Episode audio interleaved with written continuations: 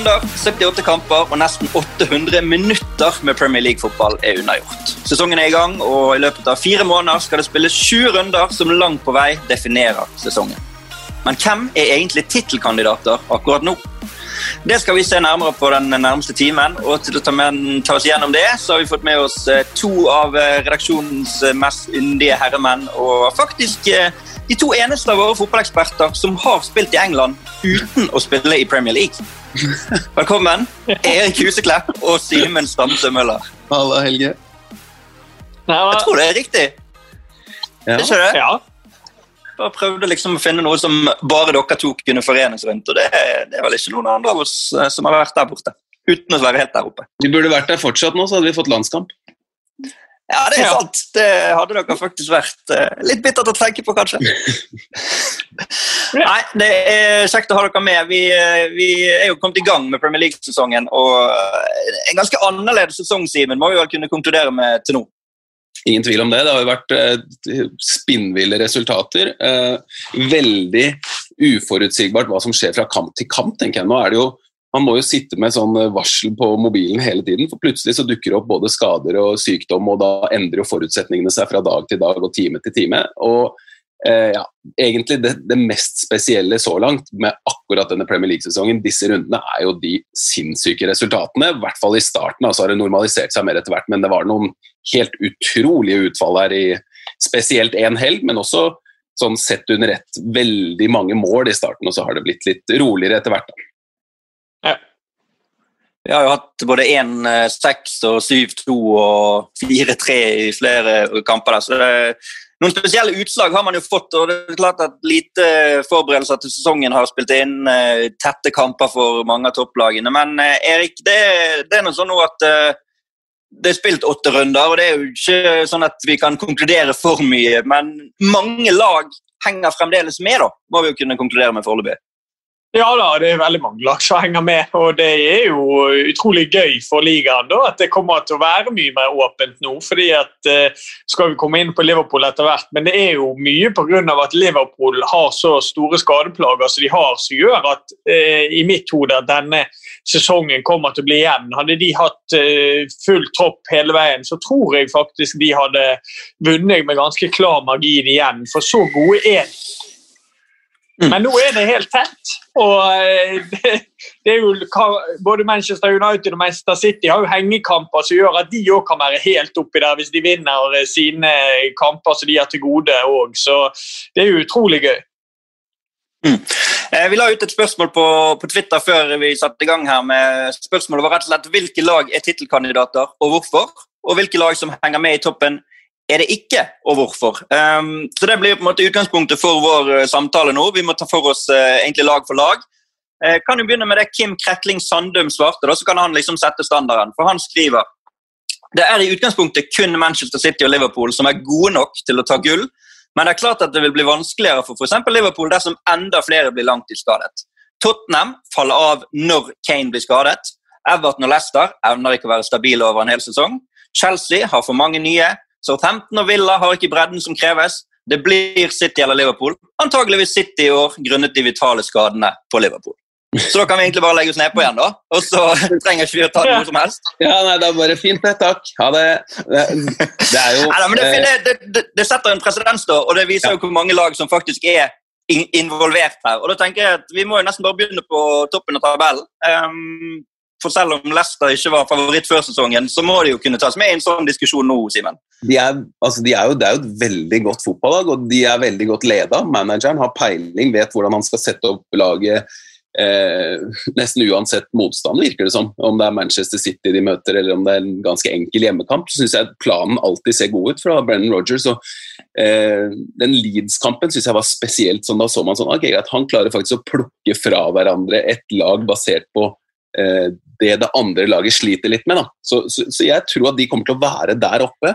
Men det er et eller annet med måten de vinner på nå. Alle disse straffesparkene. Jeg tror bare ikke at det kommer til å vedvare. Da. Jeg, jeg kan ikke se for meg at det kommer til å fortsette med, med samme flyten. De har litt for lite uflaks nå, hvis du skjønner hva jeg mener. At jeg tror det kommer til å jevne seg ut etter hvert, og at eh, kvaliteten ikke er helt der oppe til å kunne matche de tre-fire andre tittelkandidatene som jeg føler fins.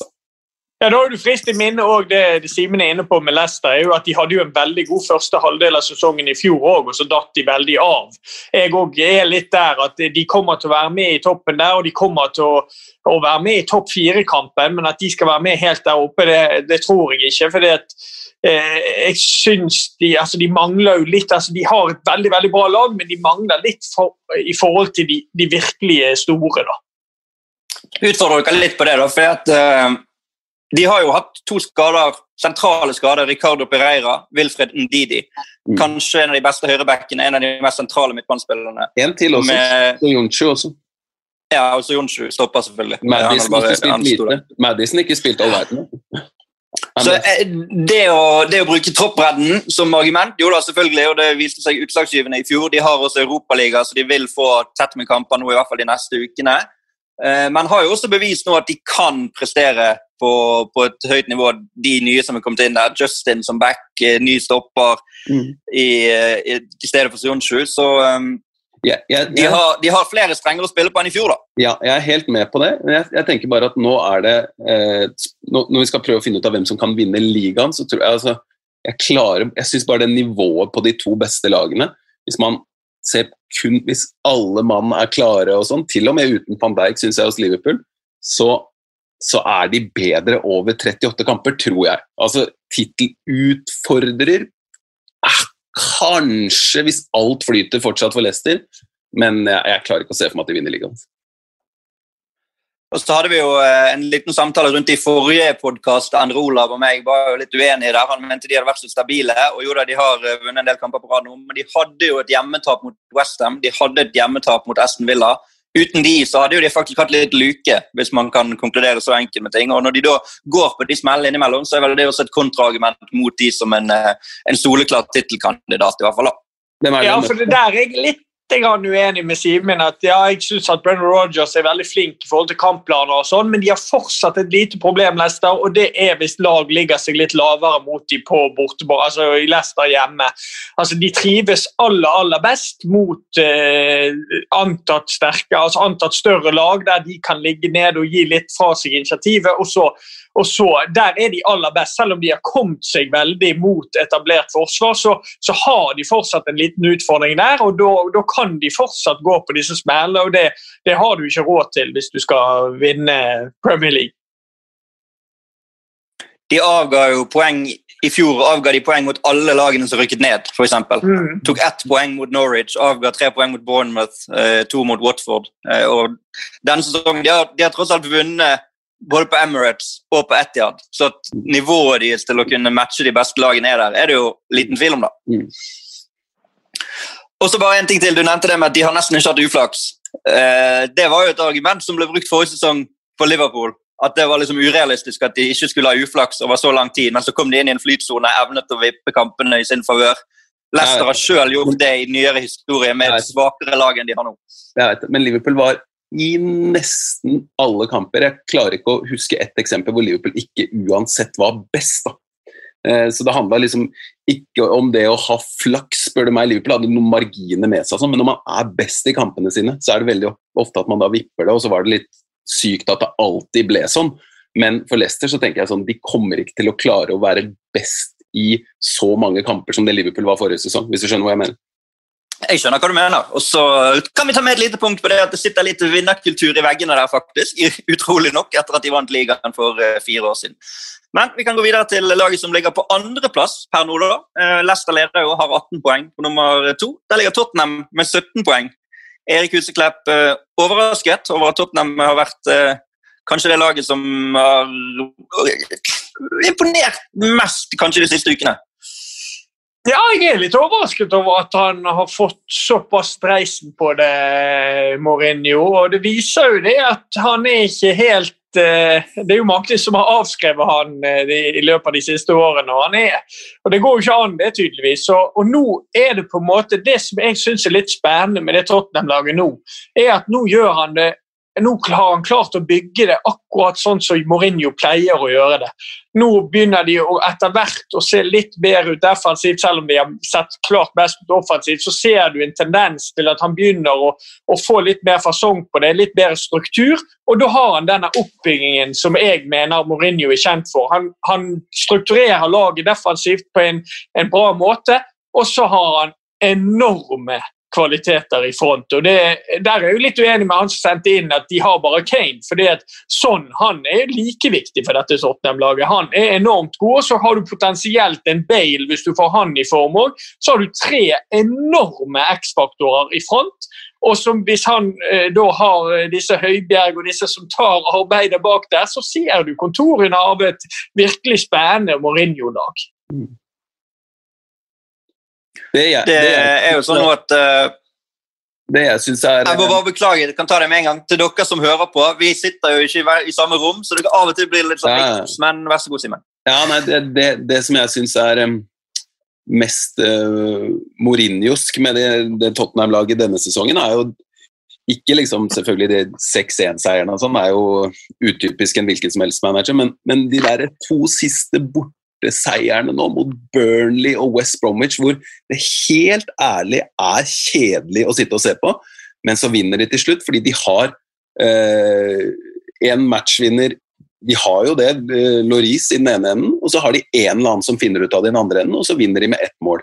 Eh, det der tror jeg kommer til å være Tottenham i ganske mange kamper denne sesongen. Og hvis de, hvis de får si de får syv-åtte sånne seire, så er det så verdifullt. Altså. Eh, og da kan man snakke om det der marginer og tippe det hit og dit, og sånn, men det er veldig Mourinho-stempel på akkurat det. Slippe til lite, og så ha akkurat nok kvalitet i rett tidspunkt i forsvar og i angrep til å vinne kampene.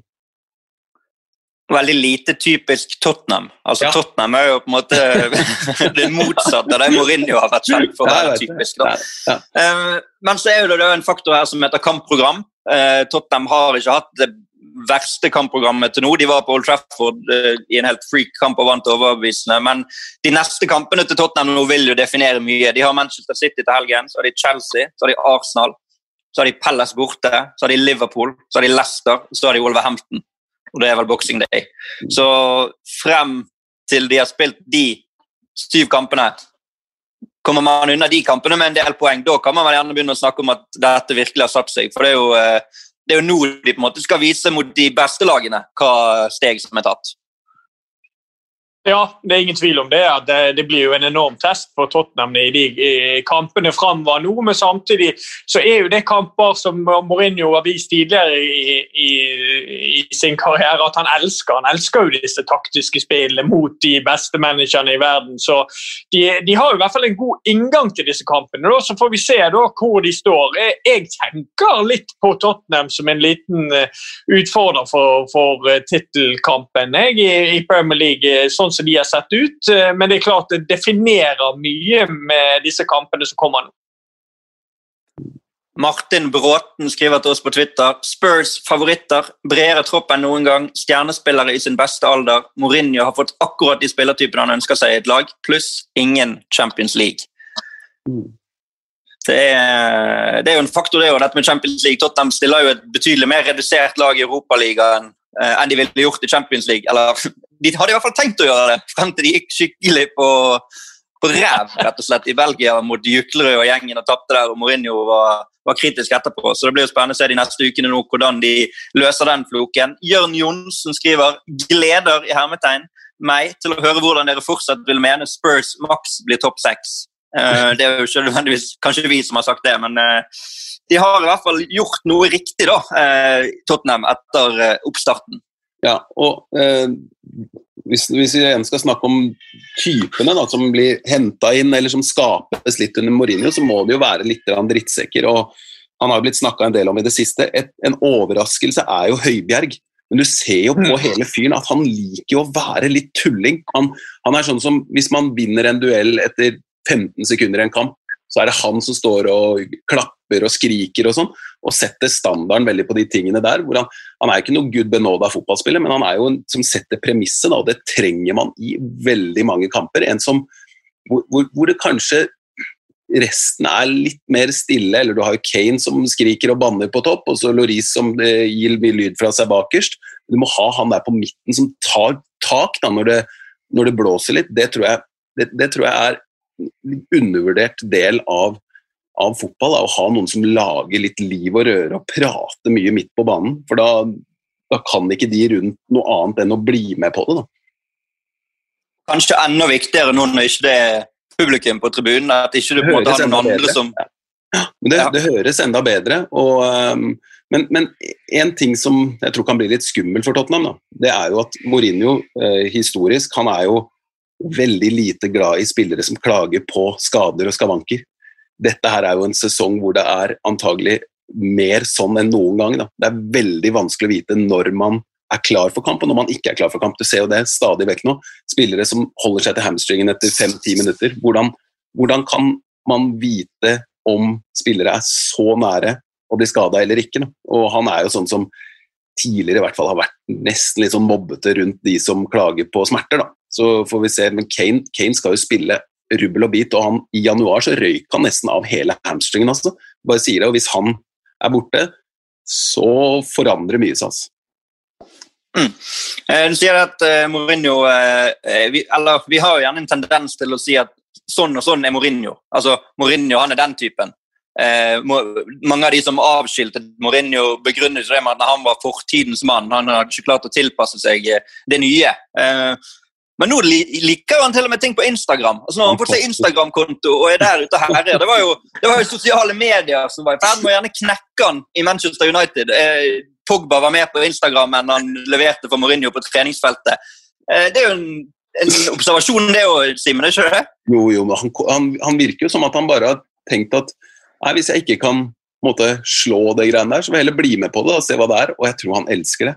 Er jo, er jo eh, eh, De som er 50 pluss, er jo de som må beskyttes mot seg selv på sosiale medier.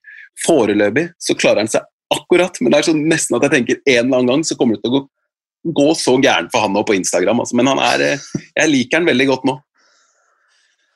Eh, før vi runder av Tottenham-praten, så kan vi si det at eh, hvis man lager en sånn tabell som er laget i eh, koronaens tid, hvis det går an å si, fra fotball startet opp igjen i juni, så er faktisk Tottenham på topp med 35 poeng på de 17 kampene som er spilt siden den gang. Det er en veldig jevn tabell, men uh, de er i hvert fall det laget som poengmessig da, har taklet den delen av uh, Premier League-fotballen best. Da er vi på lag nummer tre per nå, før den niende runden. Det er Liverpool, som er kun bak Tottenham på målforskjell. Så selv om Liverpool har hatt alle de plagene, og folk har snakket om at de ikke er der de skal være, så er de fremdeles Eller er de det, Simen? Erik, Erik kan begynne denne gangen. Er de fremdeles den største favoritten? Eh, jeg syns det er vanskelig. Jeg vil svare ja.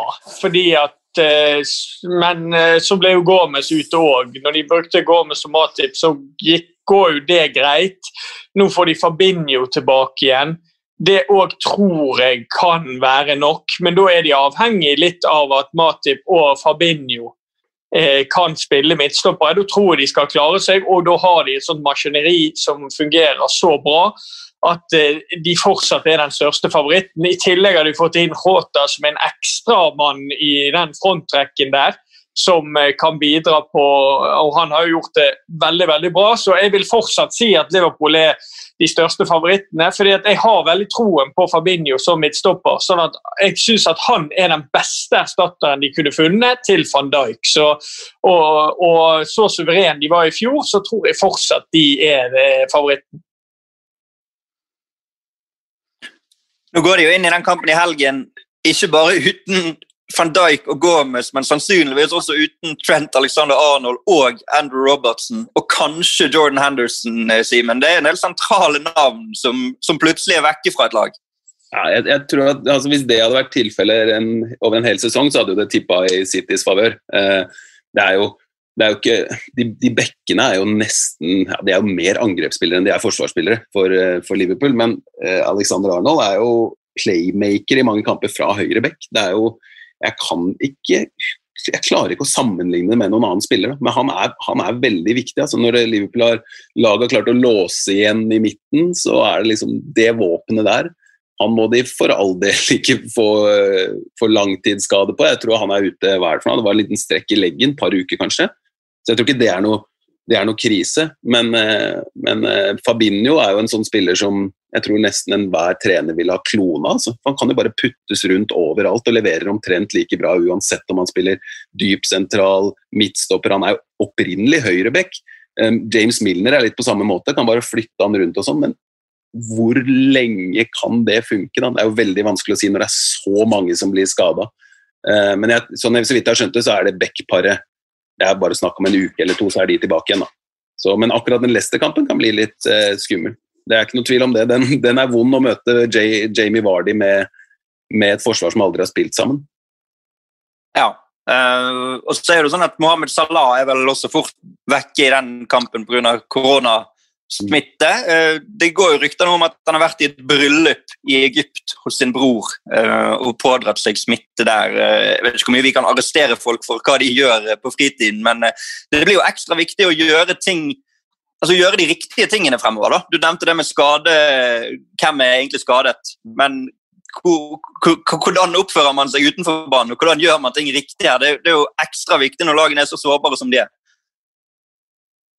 Ja, det er ikke noe tvil om det. Og det, det er jo også utrolig vanskelig. Da. Men jeg, jeg, så, så, vidt jeg forstår, så er jo disse fotballspillerne veldig isolert i utgangspunktet også, og enda mer nå. og Det er jo enda mindre som skjer, og, og si, vanskeligere å bryte denne type regler. Da. Så jeg, jeg tipper jo at, eh, at de aller fleste, i hvert fall nå i vinter, klarer å holde seg i skinnet. Men, eh, men eh, landslagsoppholdet er jo da trenerne holder pusten, både med tanke på skader sånn som Gomez, og og hva de kan finne på av dumme ting, sånn som tydeligvis eh, Salah har gjort da når han står og danser eh, i en folkemengde, så er det La oss være så ærlige og si at det er jo dumt i dag, liksom.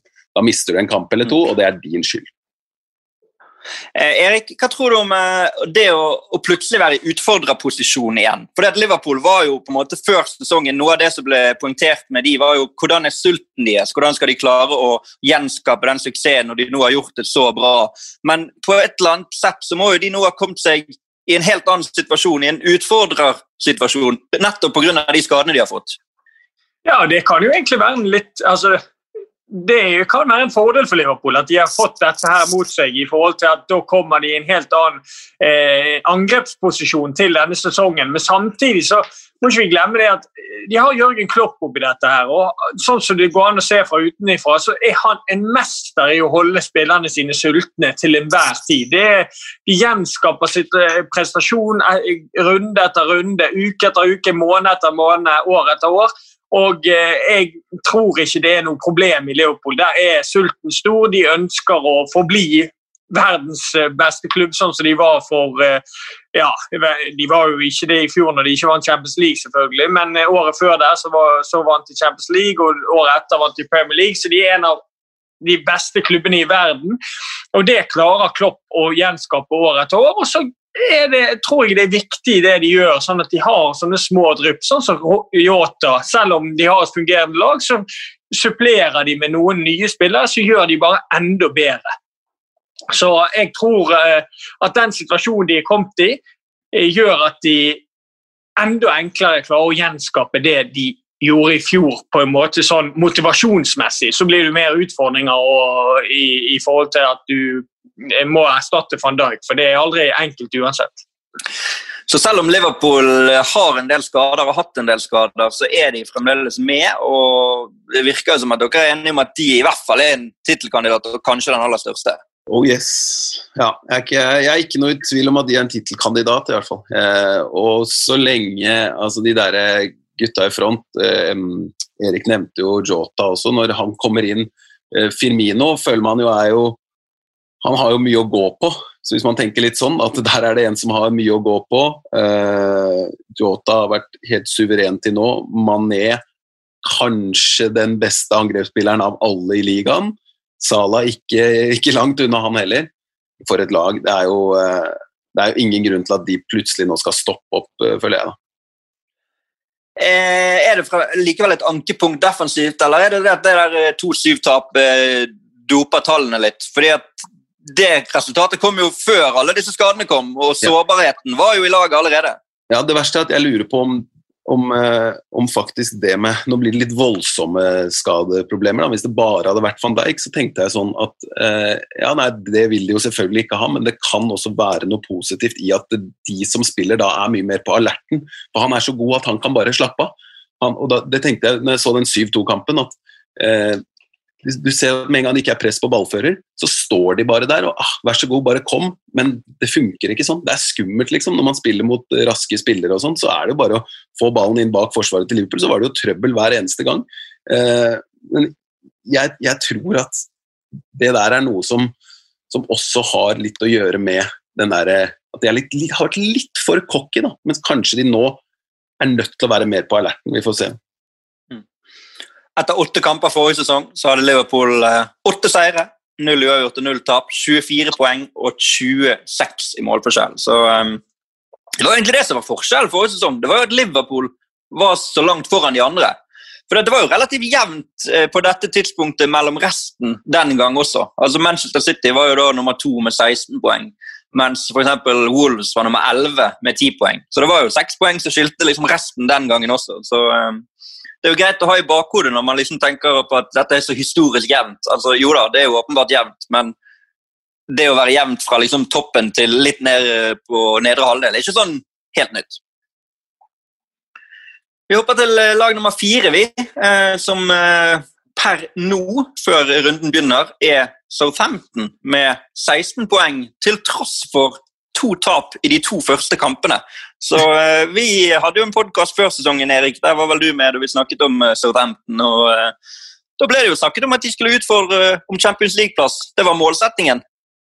Ja, og jeg avfeide de fullstendig. Så, så der må jeg ta opp meg med foreløpig, da. Men jeg har det vel rundt midt på tabellen, og jeg tror jo det stabiliserer seg etter hvert, og de ender et, et, stykke unna Champions League. De skal ikke ha den kvaliteten som, som skal til for å kjempe om de Champions League-plassene, men de gjør det akkurat nå, da, så det, det, er jo gøy, det. da, og I hvert fall etter den starten gjør det med to tap. og så har han igjen fått til den eh, Hasenhyttel-fotballen sin og enormt eh, god i presspillet sitt og så tett eh, mellom eh, hver spiller. og Det er jo det som er nøkkelen i forhold til når, han, når de lykkes med det presspillet i, i sitt, så er jo det ekstremt tette avstander, og alle løper like mye for hverandre. Og, og, og, og, de vinner veldig mye ut av det. Um, så det er enormt imponerende det Southampton har gjort. Uh, men jeg tror fortsatt ikke at de skal være i nærheten av noen Champions League-plass når vi kommer til slutt. Nei, vi kan, ikke, vi kan, ikke, gå like tett inn på alle lagene her, i og med at vi skal snakke om tittelkandidatene. Men At vi er imponert over Southampton, kan vi si, Simen, men vi, vi holder det kanskje ikke som en, en tittelkandidat? Nei, Nei, vi gjør ikke det. Og synd med Danny Ings også. Hadde han vært der, så kunne det Nei da. Men jeg tror uansett at, eh, at det ikke hadde gått med tanke på tittel. Men eh, han kunne vært forskjellen på å, å, å komme seg inn i Europaligaen, f.eks. Faktisk. Danny Ings er god, altså, men nå er han ute, dessverre. Så kan jo hende vi må svelge noen kameler utover våren hvis Southampton plutselig viser seg å bli denne sesongens Leicester. Men det får vi heller komme tilbake til. Men vi går til laget som ligger på femteplass.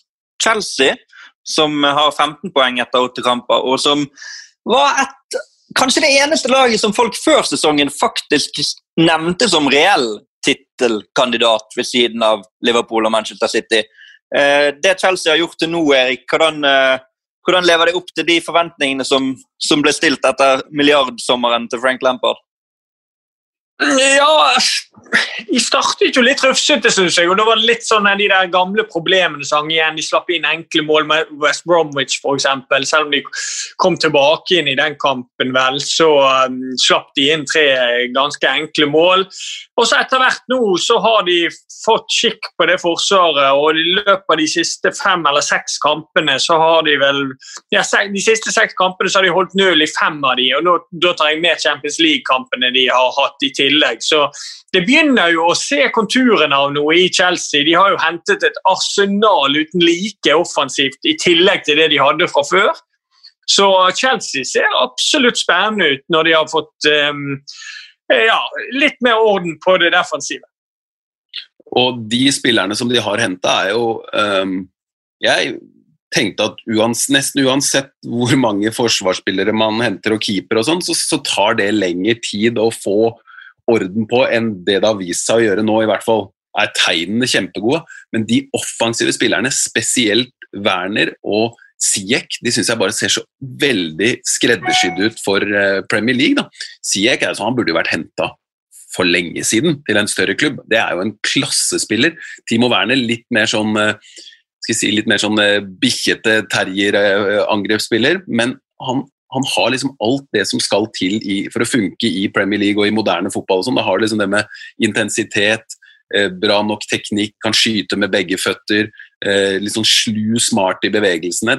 Det er jo det er kjempegod signering, liksom. Den, den man venter på, er jo han som de aller fleste nevnte som det beste kjøpet og den som kommer til å bli best på sikt, og det er jo Havertz. Men det er jo ikke noe problem at han bruker litt tid. og Sånn har det vært for mange managere som har henta store spillere. Så tar det gjerne litt mer tid. Da. Uh, vi snakket om Fabinho tidligere. Det tok tid. Det er, mange andre sånne. Uh, De Brøne, da han først prøvde seg i Premier League, ja, det tok litt tid. det er nesten oftere at det tar litt tid enn at det funker med en gang. Men at Werner og Siek har gått så rett inn og preger nesten hver eneste kamp de spiller, det er jo kjempekjøp.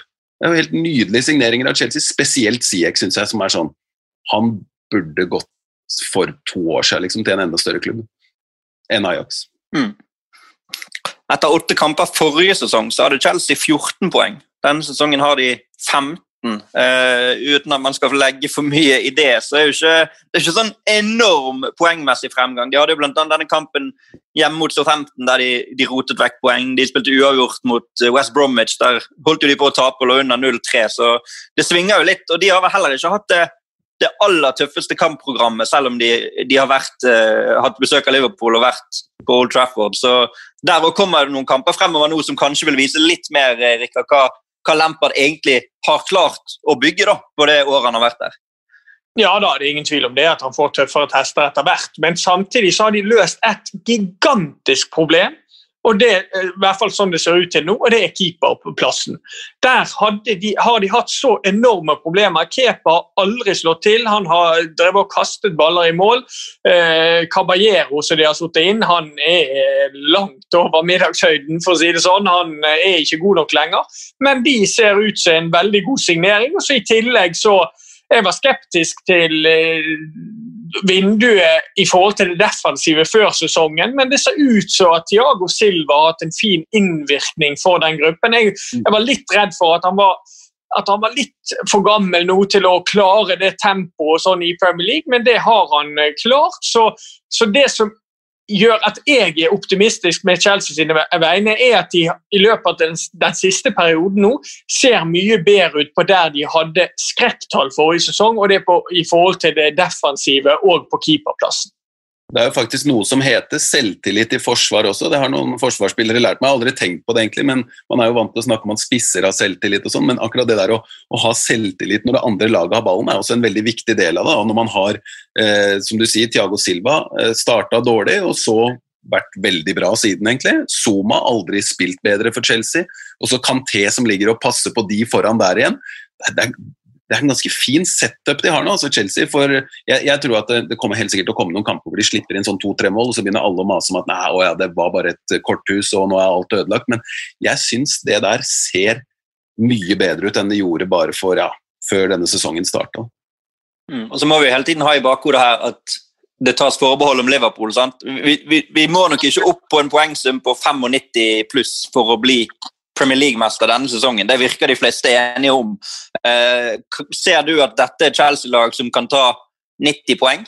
Eh, du nevner Kanté i den eh, midtbanerollen, eh, som han var jo litt vekke fra i en periode. Han fikk jo ikke spille der han er best. Det har jo vært en suksessfaktor for i hvert fall to Premier League-vinnende klubber de siste fem årene.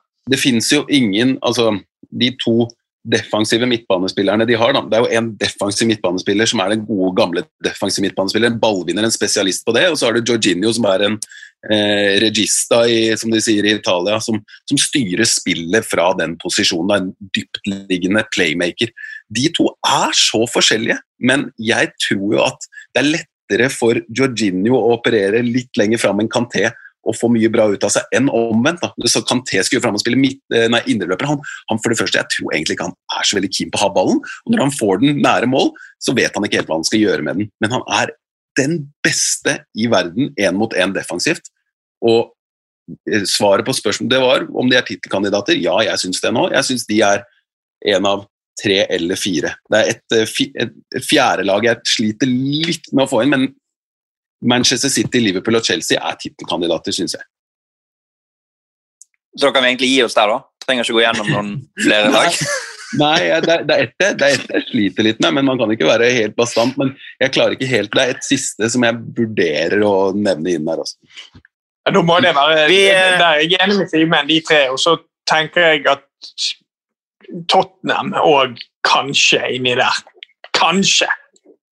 Vi eh, skal i hvert fall ta for oss et par klubber til før vi konkluderer eh, på noe. Eh, de som ligger på sjetteplass i øyeblikket, er jo Aston Villa, som har en hengekamp som i teorien faktisk kunne ledet ligaen. Hvis de vinner den hengekampen, så hadde jo de, de faktisk ledet. men jeg er vel litt i samme bås som Southampton der, Simen, på å nevne de som, som kandidater. Ja, men selv om Southampton slo Aston Villa, så ser jeg faktisk jeg ser enda litt mer klasse individuelt da, i, i Aston Villa enn jeg gjør i Southampton. Men, eh, men ja, nei, de, de, vinner nok ikke ligaen. Så jeg tviler på det når nivået i toppen har blitt såpass høyt. Det er høyere. Be, lagene er bedre, i bedre stand og topplagene enn de var da Leicester vant en gang. Mm. De neste lagene på tabellen er da Everton på syvendeplass, Crystal Palace på åttende og Wolverhampton på niende. Alle de med 13 poeng. Og så tenker jeg vi må ta oss ned til eh, tiendeplassen, som er Manchester City tolv poeng og én hengekamp, eh, Erik. De eh, Hva skal man si om City? De har jo på en måte Det snakkes jo om at de hangler, men nå er de ni strake i alle turneringer uten å tape. Og de er mye mer solide defensivt enn de, de har vært. Ja da, og jeg, jeg ser mye mer positivt på denne sesongen enn forrige sesong for Manchester City sin del. og de, har fått, eh, de er fortsatt litt variable i prestasjonene sine. Selv om du sier nå har de gått en rekke ubeseiret, så, er, så, så, varierer de veldig. Men vi vet alle hvor skyhøyt toppnivå de kan ha.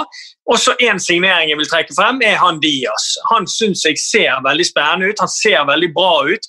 og da ser det ut som det, Hvis de da får holde Laporte skadefri over lang tid, så har de et klassestopperpar der som gjør at det, det, som var problemet forrige sesong De fant ingen ved siden av Lapport, og så var Lapport nesten eh, skadet hele tiden.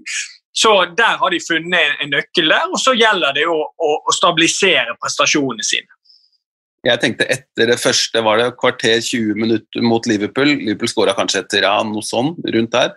Eh, så tenkte jeg ok, greit, dette laget her de skal få slite veldig med å komme opp med noe som er i nærheten av det nivået de har vært på tidligere, når Liverpool kommer og tar sånn for seg eh, på Etiad. Men, men, så skjedde det liksom et eller annet i den kampen der. Jeg, på slutten så var det jo slitne begge lag, så den, liksom, den kunne nesten blåst av på 70 minutter.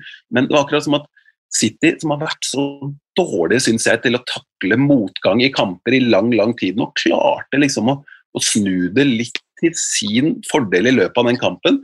Så, så, så, siden de første 20 minuttene og fram til vi sitter her i dag, for etter den kampen, så har det også skjedd noen ting. Det er at eh, Det Brøne, der snakkes det om ny kontrakt, at han er veldig positiv og snakker varmt om klubben. Og alt sånt. Og ikke minst Guardiola. at det kan hende at Jeg trodde helt seriøst at han skulle være ferdig i sommeren som var, ja. og i hvert fall sommeren som kommer. Men nå kan det hende at han blir her enda lenger, fordi alternativene ikke er all verden for han. Eh, han vil ikke andre steder tydeligvis, eller jeg syns det, det, tyder på det nå. Eh, men så plutselig så tenker jeg sånn Å ja, da var det ikke like stress for City med å komme til, tilbake til de nye høydene. Kanskje de faktisk får den roen som de trenger. Og hvis de også i tillegg klarer å lide litt i kamper og allikevel tippe det til sin fordel, eller i hvert fall nesten Jeg, jeg endra så bildet på Manchester City i løpet av de minuttene i løpet av den kampen mot Liverpool at jeg er liksom forvirra hvor de står. Eh, for det er jo utvilsomt et mannskap som, som, som, burde være med og fighte om alle titler hele tiden.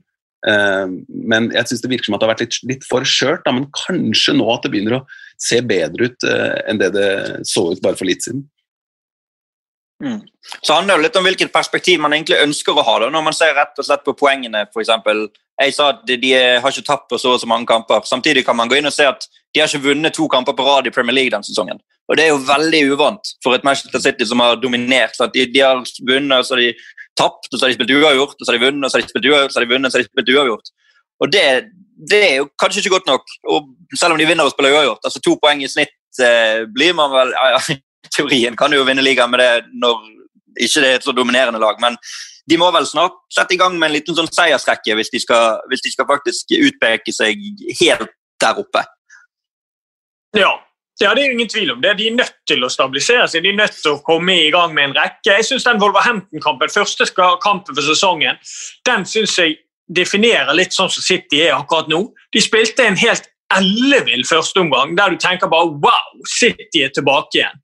Dette her ser veldig spennende ut med City-øyne. Og så kommer andreomgangen, og så er de faktisk heldige som får med seg tre poeng eh, der. De er heldige for, uh, altså, at ikke Wolverhampton snur den kampen, fordi at Wolverhampton hadde nok sjanser til å gjøre det. Så, så det, jo, det, handler jo om å stabilisere noe der for Guardiola og, og, og, få, som du er inne på, Helge, en rekke over tid. og De har så mye kvalitet så at jeg tror de kommer til å gjøre det på et eller annet tidspunkt. Nå er det jo, uh, Vi skal ta en liten runde rundt de kampene som kommer til helgen, men det er jo et veldig spennende oppgjør eh, i London mellom José Mourinho og Pep Guardiola på lørdag kveld. Så den er det bare å glede seg til. Narrativet rundt den kampen det er ikke helt der det har vært de siste, de siste gangene de har møttes. kan vi jo si. Men vi skal ta det litt etterpå. Noe mer du vil eh, konkludere med rundt City før vi eh, hopper videre, Simen? De er i hvert fall en, en tittelkandidat, det er jo det enighet om.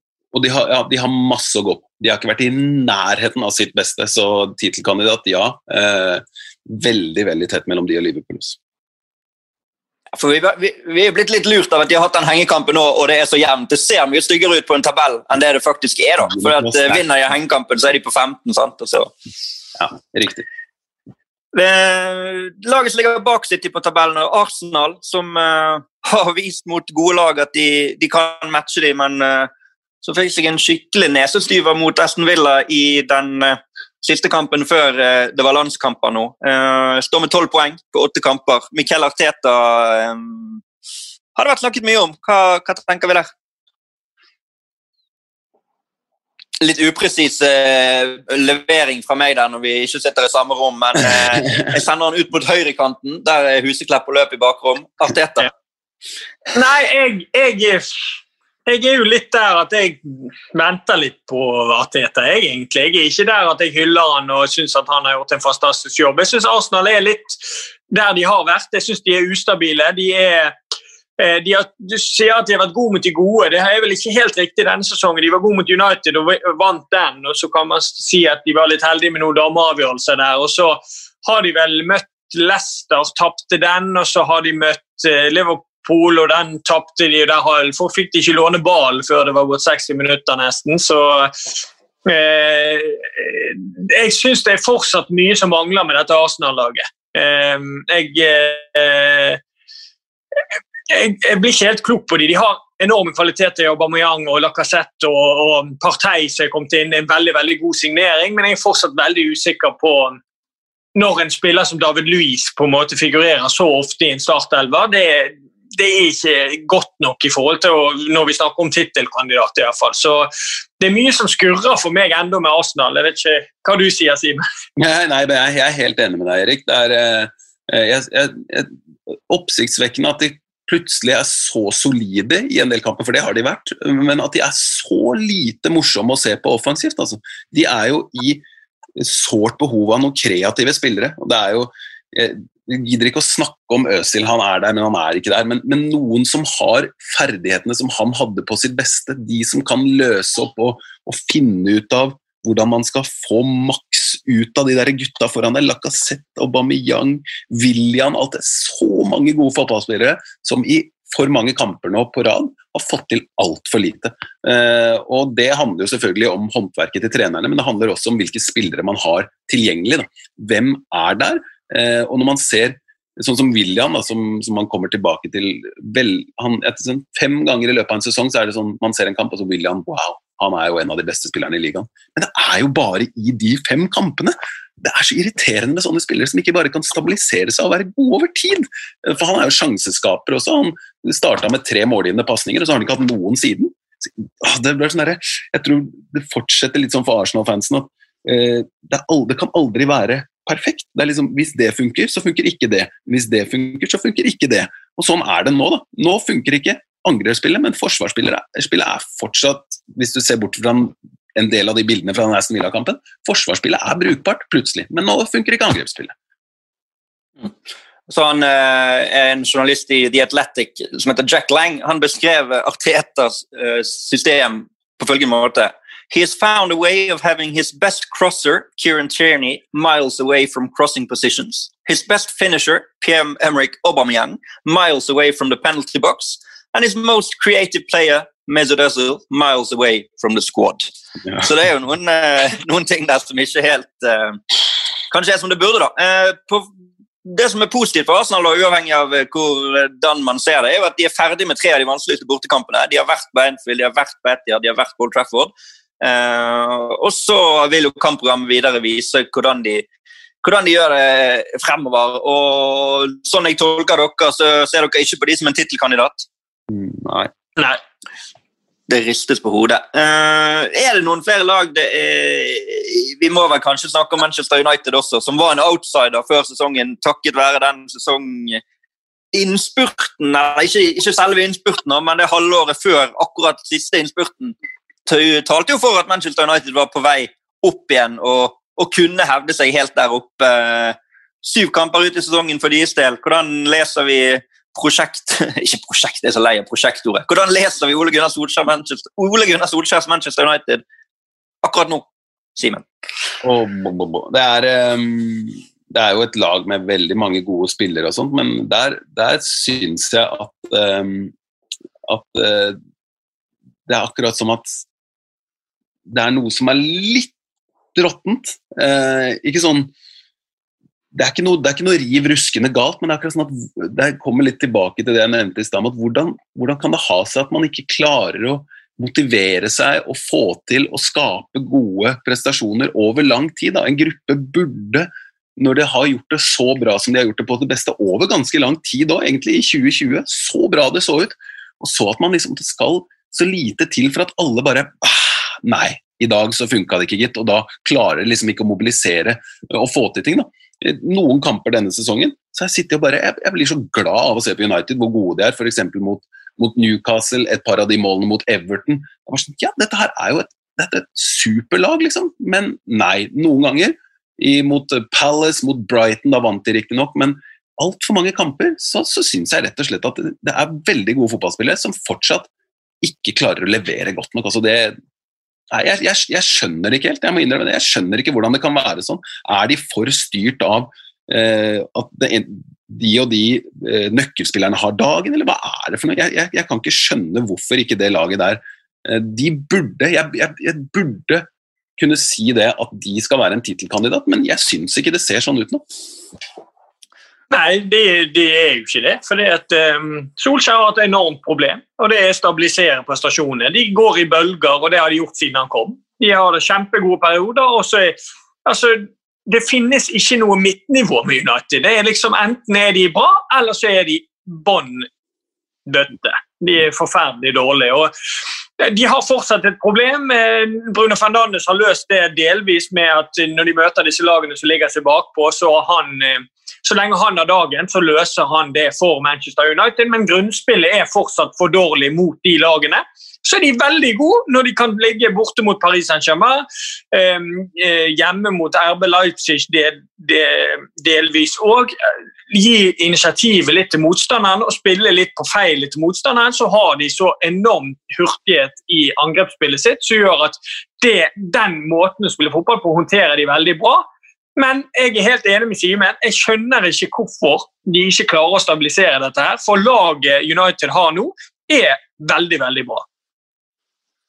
Så det ikke ut at de var i ferd med å stabilisere det i sommer? Altså, da, da slo de, de knuste Sheffield United, de vant solid bort mot Brighton, de skåret fem mot Bournemouth, de skåret tre bort mot Villa. Det var jo, mm. altså, det var jo, ting var jo løst. Floken var løst. De, hadde, de klarte det mot de dårligste, og de gjorde det som de også var gode på mot de de bedre lagene. Altså, ting var jo på vei opp.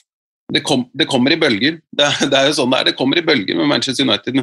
Eh, en ting som, som, jeg fortsatt ser på som et eh, det, Man har selvfølgelig det der med at eh, det mot etablert forsvar, ja, så, så, ser det faktisk litt bedre ut nå med Bruno Fernandes. Noen ganger når Mata spiller, og sånn faktisk, så har man i hvert fall har noen føtter og noen med, med fotballhoder. og de, de, gutta foran som er gode nok, så det får det til å svinge brukbart. Men når lag presser United bra høyt, så sliter de med å spille seg ut bakfra fortsatt. Altså. Eh, Maguire har jo ferdigheter, Lindeløv er ålreit, Shaw ålreit, Wambisaka ikke spesielt god med ball, Fred god til å vinne ballen, ikke veldig god til å spille med den, eh, McTominay noe av det samme. Det er sånn, sånn vel, de, de, mangler fortsatt kanskje litt kvalitet også når det, når det, gjelder å spille seg ut bakfra og dermed liksom ta fullstendig grep om kampene sine, eh, syns jeg så har de stort problem med Pogba. Mm.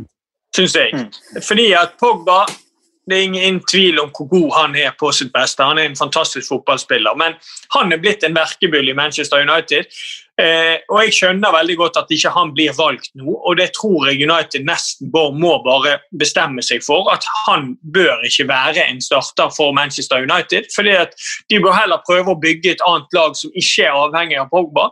For han har vist seg så ustabil, og han, eh, nå de siste kampene der United har fungert, så har ikke han spilt. Og jeg tror at det er ganske spesielt å si det, for jeg, jeg er egentlig en veldig fan av Pogba. Jeg syns han er en kjempegod spiller, men han er direkte ødeleggende i mange kamper for Manchester United fordi at han er så slurvete med ballbehandlingen sin når han ikke har dagen, og det blir veldig mye balltap. Og nå når de har funnet McTominay og Fred, så har du på en måte Da er du i hvert fall mer stabil. Jeg tror Pogba er en del av grunnen til at de er så ustabile, for han svinger så enormt til prestasjonene sine. Det, det, de jo egentlig trenger, er jo en sånn type spiller som, eh, som eh, Fabinho er, da, som har midt, mye av alt. da. Midt på banen der, sånn som vinner den ballen, som kan slå en 60-meters crosser, kan spille enkelt, kan løse opp trange situasjoner. Det er ikke så mange av disse spillerne i verden, men hvis de hadde hatt en sånn en, så tror jeg de hadde løst veldig mye. Uh, den Pogba-situasjonen er i ferd med å utvikle seg sånn som Øzil i Arsenal. Sånn, er, vi, vi, vi, vet at du er god, det er verdensklasse inni deg, liksom, men du får det ut så sjelden. og du gjør mer skade enn nytte nå. og det er, det er, utrolig synd. Jeg er også veldig glad i Pogba. Når han er på sitt beste, så er han morsom å se på. men jeg tolker han også som en veldig fin fyr, men når det går på tverke, så går det så innmari på tverke, og det kan skade omgivelsene også. Men altså vil dere helt avfeie at de kan hekte seg på igjen i en, i en tittelkamp? De, de, er to poeng bak Manchester City, som man er helt klar på at kan komme opp der. De har også den hengekampen så det ser litt styggere ut enn det er hvis de vinner den kampen. og de de har vist at de kan komme inn i en steam. For det, Du sier det går i bølger, og hvis den bølgen plutselig kommer opp igjen, så vil jo det laget fyke opp på tabellen. Men da må ja. det være en veldig lang bølge, da. Mm. For det er lenge igjen. ja. Nei, men det, jo, det, det, kan jo, altså det kan jo selvfølgelig Det er jo en sånn sesong hvor det utroligste kan skje at, eh, at de andre lagene får veldig store problemer. og Det må man jo også ta høyde for, men jeg synes det er da, da, da, blir det liksom, da blir det veldig mye visst om at det er som at, da, at United skal vinne ligaen denne sesongen. Når de har sett altså Bunnivået deres er så lavt som det det er. Det, det, tror jeg bare ikke nå. Så det er ikke utenkelig, nei. Det er veldig lite som er utenkelig akkurat nå. Men, men eh, hvis man skal si noen som altså Nei, jeg, det er de tre lagene som jeg nevnte, og så er jeg jo enig med Erik at det fjerde laget er, er Tottenham. Så vi er ganske samstemt her. da. Eh, jeg føler at det er de som det er de som kom et eller annet sted mellom de fire, så må man nesten finne de som vinner ligaen denne sesongen. Men at United er med i en topp fire-kamp, det er jeg ganske sikker på. Men mm. Eh, at de skal være med i tittelkampen, det, det, det, tror jeg ikke har jeg null tro på. Så da har vi egentlig konkludert, da. Det er tre eller fire. Klarer dere å bli enige om er det tre eller er det fire tittelkandidater i Premier League per eh, november 2020? Mm. Ja, siden, det er, uh, siden, det er, 2020, da, så må vi vel si fire. selv, selv, om jeg, jeg så, Nei, ja, greit. Jeg, jeg, kan gå med på fire. Altså at, eh, at, Tottenham lurer seg med der. Hvis, uh, hvis, Mourinho virkelig er tilbake. Det ser jo litt sånn ut. Hvis han virkelig er tilbake nå, og, og de klarer å holde, holde, folk på beina, så ja, da tar jeg med Tottenham.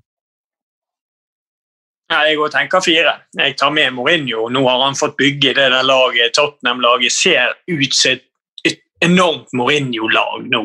og Da vet han litt hva dette går i, og da, da vil jeg ha de med i den eh, tittelkampen. Det er veldig bra. Jeg er usikker på hvor mye man skal legge i Nostradamus-effektene til Simen Stamse Møller. Jeg tok og hørte begynnelsen på den første podkasten til B-laget i 2020, og der uttaler du altså følgende 2020, vi er her. Jeg har bare en sterk følelse av at dette blir vårt år. Mm. Skjønner du? Så det er egentlig det det er jo ferd med det topp. Det er bare å mute alt jeg sier, alltid, og høre på de andre. Tenk at jeg har sagt det. Nei, det er så sykt. Det er så, det er så elendig maning at det er Nei, fy. Skal aldri si noe sånt gjennom et år. Altså. Oh, før, vi, før, vi, runder helt av, så skal vi se bare kjapt på helgen som kommer. Uh, for det er jo endelig Premier League-fotball igjen. Nå, nå, går det ett. Nå skal det spilles frem til, uh, til våren uh, hele tiden med Premier League. Så det er jo Champions League og Europa League. Det er så mye kamper, så det er bare å glede seg. Men vi tar kjapt den runden som kommer. bare egentlig en sånn rask spådom. dere kan svare kjapt. Newcastle, Chelsea. Fortsetter Lampard å klatre, eller er det en litt sånn typisk kamp å gå på en smell igjen, Simen? Ja, litt, litt, ekkel kamp, men jeg tror det skal gå greit. Jeg tror de, altså, Det kommer så godt med å ha de har jo dobbel dekning på mange posisjoner nå. Jeg tror det går bra. Chelsea skal være mye bedre enn Newcastle. og eh, ettersom at det ikke er folk altså, Det er jo sånn typisk ekkel kamp hvor med et fullsatt St. James' Park etter et, et tidlig kamp etter eh, landslagsopphold kunne vært veldig ekkelt og tapt 1-0 til vanlig. Nei, jeg tror Chelsea vinner. Dere skal få eh, annenhver kamp. Erik, Aston Villa, Brighton. Villa mulighet til å uh, klatre til topps der, hvis ikke Chelsea gjør jobben. Hva tror du om den? Ja, jeg tror nå har jo Aston Villa funnet litt dytten igjen. De hadde vel to strake tap, og så er de inne i rytmen igjen. Og de har, som Simen var inne på tidligere i podkasten, veldig mye kvalitet i det laget sitt. Eh, Brighton spiller eh, sin fotball. De er, de er ikke sånn som parkerer bussen, så de vil få rom å boltre seg i eh, Grealish og, og Watkins og Barkley og disse spillerne, så jeg tror Aston Villa tar den. Ja, De kan faktisk klatre til topps uavhengig av hvordan Chelsea gjør det. for de er bare ett eh, mål, målforskjell bak. Så er det Tottenham Manchester City 18.30 lørdag, Simen. Eh, Pep drar til Mourinho som underdog, eller? Nei, det, det, er jo Mourinho som skal være underdog der, så jeg tror han kommer til å prate rimelig greit i favør Manchester City for dem, i hvert fall. Så, men eh, nei, jeg syns det, det, legger seg jo kjempefint. Selv om Tottenham er foran på tabellen, så, så ser jeg fortsatt på, eh, på, Manchester City. De er nesten favoritt uansett hvem de møter, vet så Uh, det der tror jeg kan bli en, en ordentlig klassisk god gammeldags Mourinho-Guardiola-kamp. Uh, selv om stridsøksen virker å være begravet, så, så tror jeg det skal bare en liten gnist til nå før eh, den fighten der er tilbake igjen, og den har jeg lyst på. Altså. Ikke at det blir stygt, men at det, at det er et ordentlig eh, rivalitet mellom de to. Eh, og den er jo så jevn at det er umulig å spå noe utfall. Altså. Bare at jeg, jeg, jeg, tror, jeg tror det blir få mål, i hvert fall. Jeg tror det blir få mål sånn som det ligger an nå. Da blir det sikkert 4-4 på Tottenham Hotspur Stadium lørdag kveld. Siste kampen på lørdag, Manchester United West Bromwich. Eh, Erik, Da er vi jo der eh, mot et lag som skal ligge og forsvare seg. Hvordan løser de det? Ja, Jeg tror jo at West Bromwich ikke er god nok til å klare å stå imot Manchester United. og Selv om United har slitt med det mot Palace, bl.a., så tror jeg det, den første seieren på Old Trafford i Premier League-sammenheng denne sesongen kommer nå. Og til søndag, Vi skal jo vise alle, vise alle kampene ut året på våre kanaler. så eh, Alle kamper er mulig å se her. Søndag tidlig kamp, Fulham Everton. Ademola Luckman mot gamleklubben. Revansj, Simen? Ja, han er jo bedre i åpent spill enn fra 11 meter, iallfall, stakkars. Eh, nei, det, det, er vel på tide at, uh, at Everton kvikner til litt igjen også. De får vel Richarlison tilbake fra karantene, han er veldig viktig. Uh, da kan de, tror jeg, mønstre noe som ligner deres beste elver, og uh, da skal de være bedre enn Fulham. Uh, jeg syns jo Fulham har vist tegn til bedring, men uh, Everton er favoritter, i hvert fall. Sheffield United, Westham kommer sesongens første for Chris Wilder, tror du? Ja, det tror jeg. Jeg tror de tar sin første seier. Westham har riktignok vært eh, bra denne sesongen. og Det blir ikke noe eh, enkel oppgave for, eh, for Sheffield United, men jeg syns det fortsatt er noe i det Sheffield United. De har et enormt problem fremover i banen. De skårer ikke nok mål, men jeg tror fortsatt at de skal klare å holde seg i Premier League, og da må de begynne å vinne, og det gjør de nå. Så er vi på 17.30 søndag, og det er en liten sånn godbit. Marcelo Bielsa mot Miquel Arteta. Leeds Arsenal på Ellen Road. Det, det må jo eh, bli artig, da. Eh, Leeds sine kamper er jo de som har vært, hvis man bare tar helt sånn jevnt over, så er det de som har vært morsomst å se på. Eh, og det er jo fordi at eh, fotballen som eh, Bielsa praktiserer, er jo veldig risikabel. Da. De, de, de, tømmer seg jo helt, og de åpner seg jo helt, men gevinsten av det er jo at de skaper en del også. Og Bamford er i kjempeform og sånn. Eh, der må Arsenal være helt påskrudd og i øh, Altså ikke være såra etter det som skjedde mot Aston Villa, men bruke det til noe positivt. For Hvis de fortsatt er litt sånn, er litt synd, syns litt synd på seg selv, så kommer Leeds til å løpe over dem, og da kan det plutselig være 2-0 før Arsenal rekker å reagere. Selv om Arsenal skal være det beste laget.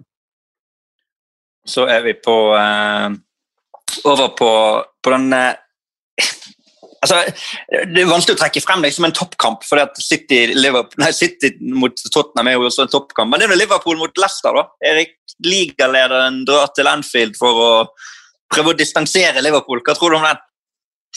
Nei, det blir um, Altså, det er jo en uh, kamp Leicester kan trives i. De gir initiativet over til Liverpool, og så prøver de å slå tidlige baller inn på Wardy i, i bakrom. Men um, utrolig spennende kamp. og Med de skadeproblemene Liverpool har, så, så, er det veldig veldig åpent. Men eh, jeg tror at eh, Liverpool drar det lengste strået.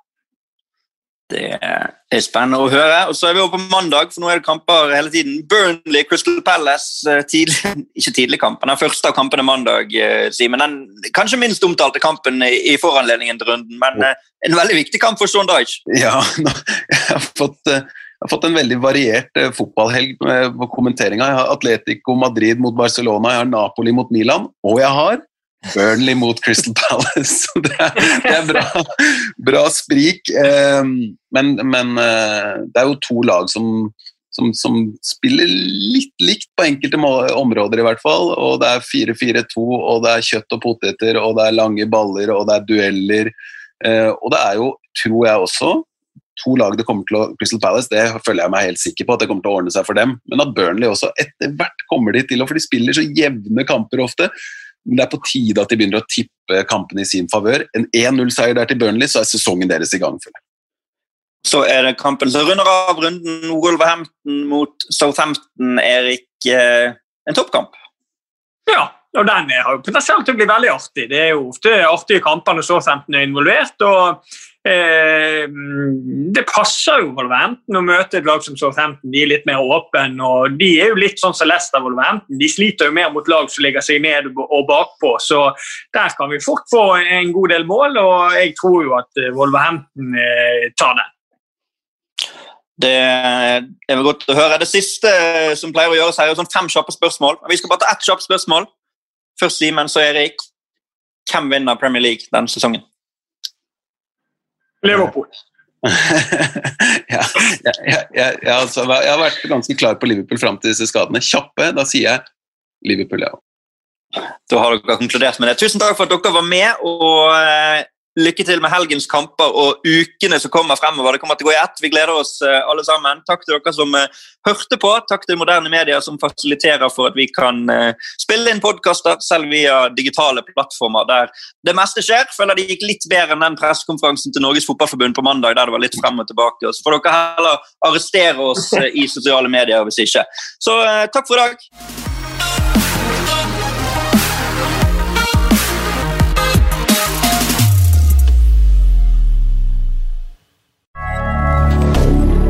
Moderne media.